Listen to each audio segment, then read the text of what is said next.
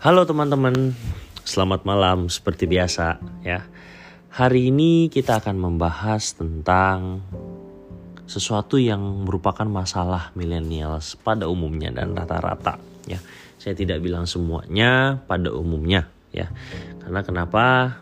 Uh, ini masalah umum kok dan uh, jamak memang kita temukan ketika kita tanya seseorang yang memang berumur 20-an nearly ke 30 atau 25 something ya.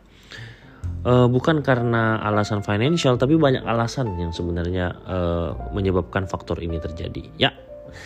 Seperti judulnya teman-teman bisa baca ya bahwa beli rumah bisa nggak ya? ya. Banyak faktor yang membuat kita uh, mempertanyakan kenapa tidak bisa beli rumah. Ya, banyak faktor orang tidak beli rumah nih pada dasarnya. Yang pertama kita akan bahas dulu yang paling sering kita bahas. Gaji saya tidak cukup. Aduh, cicilannya berat sekali. Aduh, kalau saya tidak bisa bayar seperti apa? Ya, gini. Um, kalau mau berpikir gaji Anda tidak akan pernah cukup, ya gaji Anda pasti tidak akan pernah cukup untuk membeli rumah Ya, karena kenapa? Karena e, menurut saya ya inflasi antara penghasilan dengan properti itu peningkatannya sangat jomplang menurut saya. Jadi e, kalau memang kita tidak usahakan atau diusaha-usahain, dibela-bela ini buat beli rumah, ya, maka pasti kita akan beranggapan bahwa gaji saya tidak cukup. Tunggu sampai cukup dulu, ya baru saya beli rumah atau saya cicil rumah. Pertanyaannya, Kak, Anda apakah Anda bisa memprediksi bahwa gaji Anda akan cukup nantinya untuk beli rumah? Tidak akan pernah ada habisnya ketika gaji Anda naik dan gaji Anda menurut menurut Anda saat itu sudah cukup, harga perumahan pun ikut naik dan tidak akan pernah cukup. Ya, untuk permasalahan gaji yang tidak cukup. Ya, kita bahas pembahasan yang kedua. Saya belum perlu rumah karena masih single. Oke, atas dasar apa ketika orang masih single tidak perlu rumah?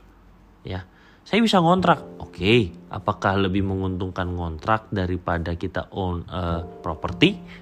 Menurut saya lebih untung kita memiliki properti. Ya, kalau memang teman-teman merasa memiliki properti itu tidak cocok atau tidak bagus karena itu tidak menghasilkan, silahkan beli ruko, teman-teman bisa tinggal di atasnya dan teman-teman bisa buka kantor ataupun usaha di bawahnya ya.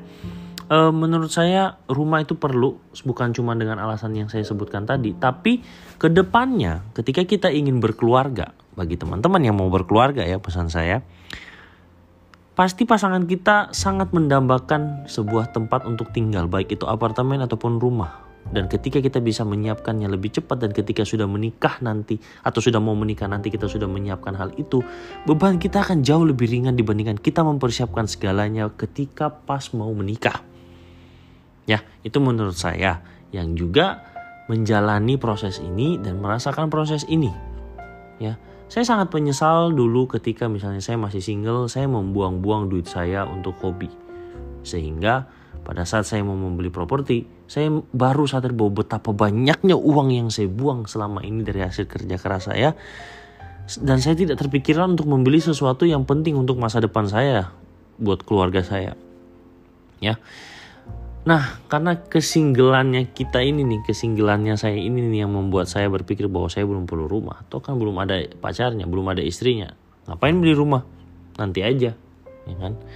Itu bisa jadi ego kita juga karena masih mau konsumtif sebenarnya ya. Kita lanjut ke pembahasan yang ketiga. Hmm, saya mau kumpul uang dulu sampai cukup baru beli rumah yang saya mau. Hmm.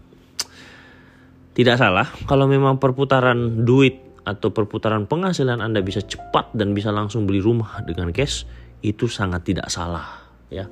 Beli rumah dengan cara cash daripada cara cicil itu jauh lebih bagus. Tapi Biasanya ya kalau pengusaha justru yang saya tanya malah mereka kredit. Kreditnya panjang. Kenapa? Duitnya bisa diputar ke usaha lain. Tapi masing-masing orang punya pendapat tersendiri. Ya, tapi e, kalau mau kumpul uang dengan alasan misalnya kita seorang karyawan dan alasannya adalah saya mau kumpul uang dulu sampai cukup baru beli rumah yang saya mau. Gini nih, e, kalau teman-teman ya mau kumpul uang dulu sampai cukup beli rumah yang kita mau, maka rumah yang kita mau pun itu juga akan naik harganya. Harga rumah naik setiap tahunnya, penghasilan kita belum tentu. Ya. Kalau mau kumpul uang, ya, pada saat sudah terkumpul pun pada saat itu mungkin dulu harga rumahnya lebih murah, tiba-tiba mau beli pada saat sudah terkumpul dalam waktu setahun aja, saya yakin rumahnya pasti berubah harganya. Ya. Jadi uh, itu untuk masalah yang ketiga ya yang mau kumpul uang dulu nih sampai cukup beli rumah baru uh, baru dia mau beli rumah ya. Yang keempat nih jenis rumah yang saya mau harganya terlalu mahal. Kalau yang murah kekecilan. Nih kita harus bisa menyesuaikan kemauan kita dengan kemampuan kita ya. Saya juga merasakan hal itu. Ketika saya mau mengambil rumah yang saya mau aduh kenapa ya harganya uh, terlalu mahal. Begitupun dapat yang harganya cocok, ukurannya cocok, eh tempatnya kejauhan. Kalaupun dapat yang harga sesuai dan pas banget dengan kemampuan, eh rumahnya kekecilan. Gini, kita hidup itu pasti bertumbuh menurut saya, berkembang ya. Dan perlu kita ketahuin, kalau kita yakin bahwa kita akan berkembang, kita tidak perlu ber, uh, berpikir negatif bahwa saya mau beli rumah yang langsung besar nih. Enggak, semua orang berawal dari yang biasa-biasa juga dulu nih. Siapa pun pebisnis, siapa pun orang yang paling sukses di dunia ini pasti selalu memulai bisnis uh, sorry, pasti selalu memulai sesuatunya itu dari nol, termasuk rumah mungkin. Mungkin yang awalnya dia tinggal di flat house atau dia tinggal di rumah biasa ya. Yang tiba-tiba naik jadi rumah sedang, rumah besar, rumah besar banget, istana. Ya. Menurut saya ya, kita harus menyesuaikan standar kemauan kita dengan kemampuan kita buying power. Ingat kemampuan, ingat budget ya. Jangan jadi orang yang tidak masuk akal. Tidak masuk akal itu kayak gimana? Kayak saya misalnya nih ya. Saya mau sesuatu, saya mau rumah yang besar, bagus tapi murah, nggak ada. Ya. Kita hidup yang realistis realistis aja.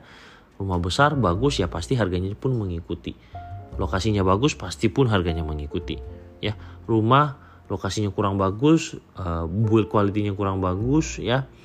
Uh, dan juga uh, kecil misalnya pasti harganya murah. Itu sudah hukum alam rata-rata yang kayak gitu. Ya. So, itu untuk jawaban yang keempat.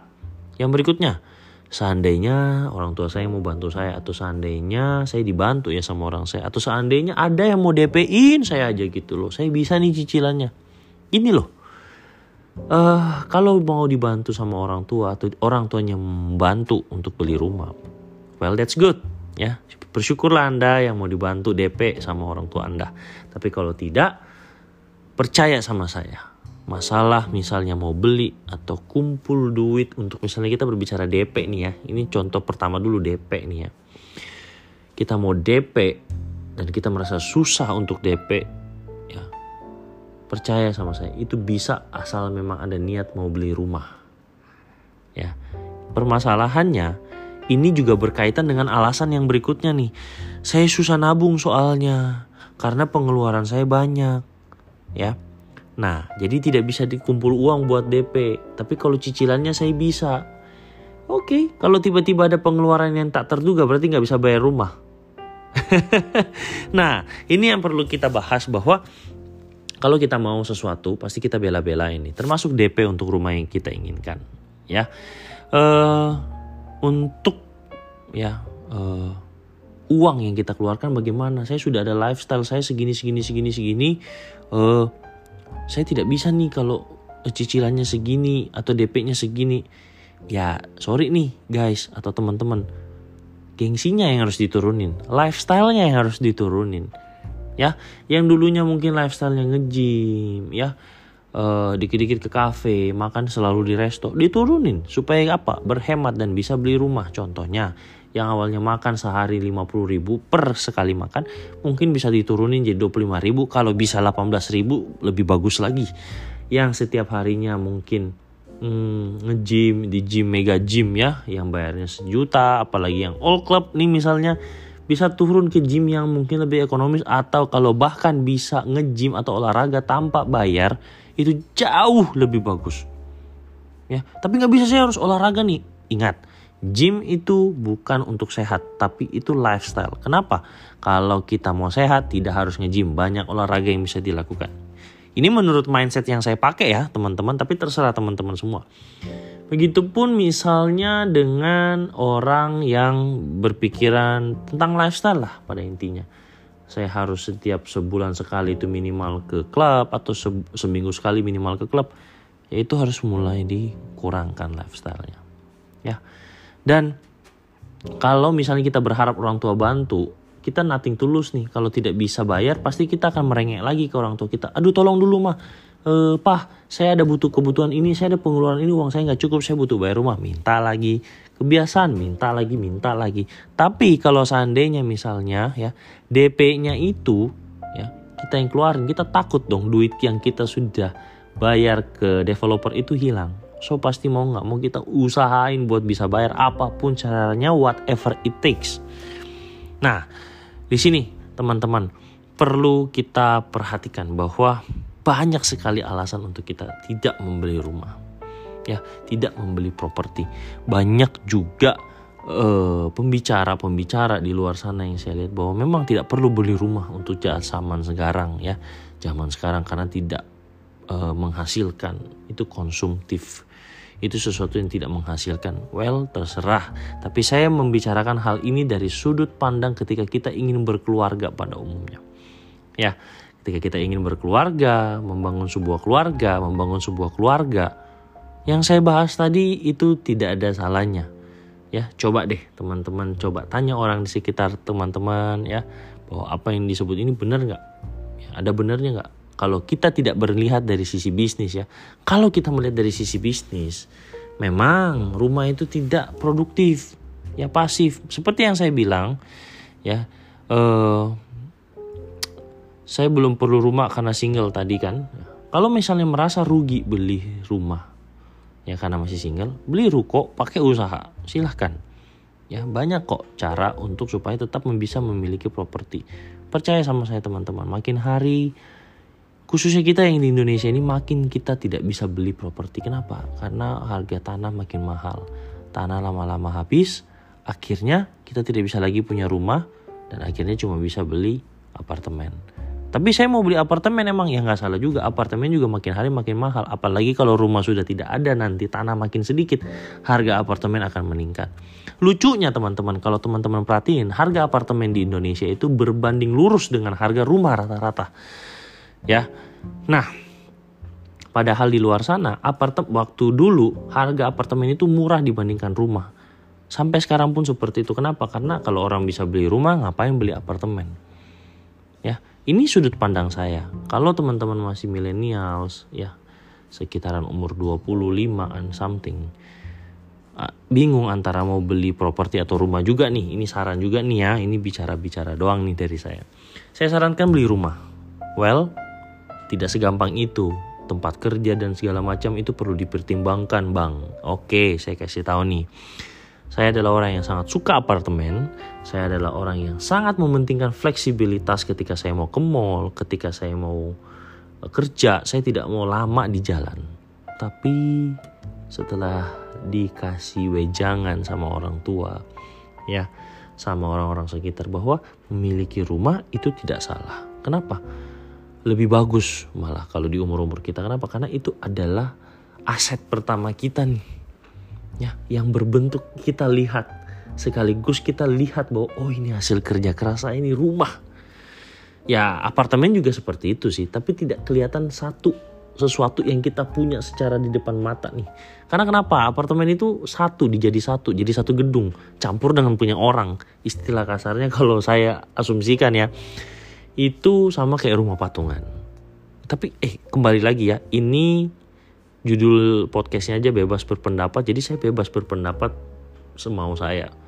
Kalau bapak ibu, uh, kalau teman-teman bapak ibu ya, kalau teman-teman masuk di pemikirannya, well silahkan jadikan ini motivasi untuk menjadikan anda menjadi lebih positif. Tapi kalau negatif, ya berarti pendapat kita tidak cocok aja, ya. Nah, apa pun itu membela belain untuk beli rumah atau memperjuangkan untuk membeli rumah properti, ya itu adalah hal yang perlu kita uh, tanamkan sejak dini. Anda masih jomblo? Well, beruntung kalau bisa denger ini dan langsung melakukan pemikiran untuk beli properti. Ya, sesuaikan budget, sesuaikan kemampuan, bulatkan tekad harus bela-belain bahwa punya rumah untuk masa depan itu sesuatu yang baik kalian lakukan apalagi kalau kalian masih single. Tidak ada beban ya. Bahkan rumahnya bisa lunas sebelum uh, pernikahan nantinya kalau sudah ada jodoh ya. Itu akan membuat hidup kalian lebih ringan lah intinya ya. Nah sekian dari saya. Semoga ini bisa berguna dan bermanfaat buat teman-teman bagi yang mau beli rumah ya.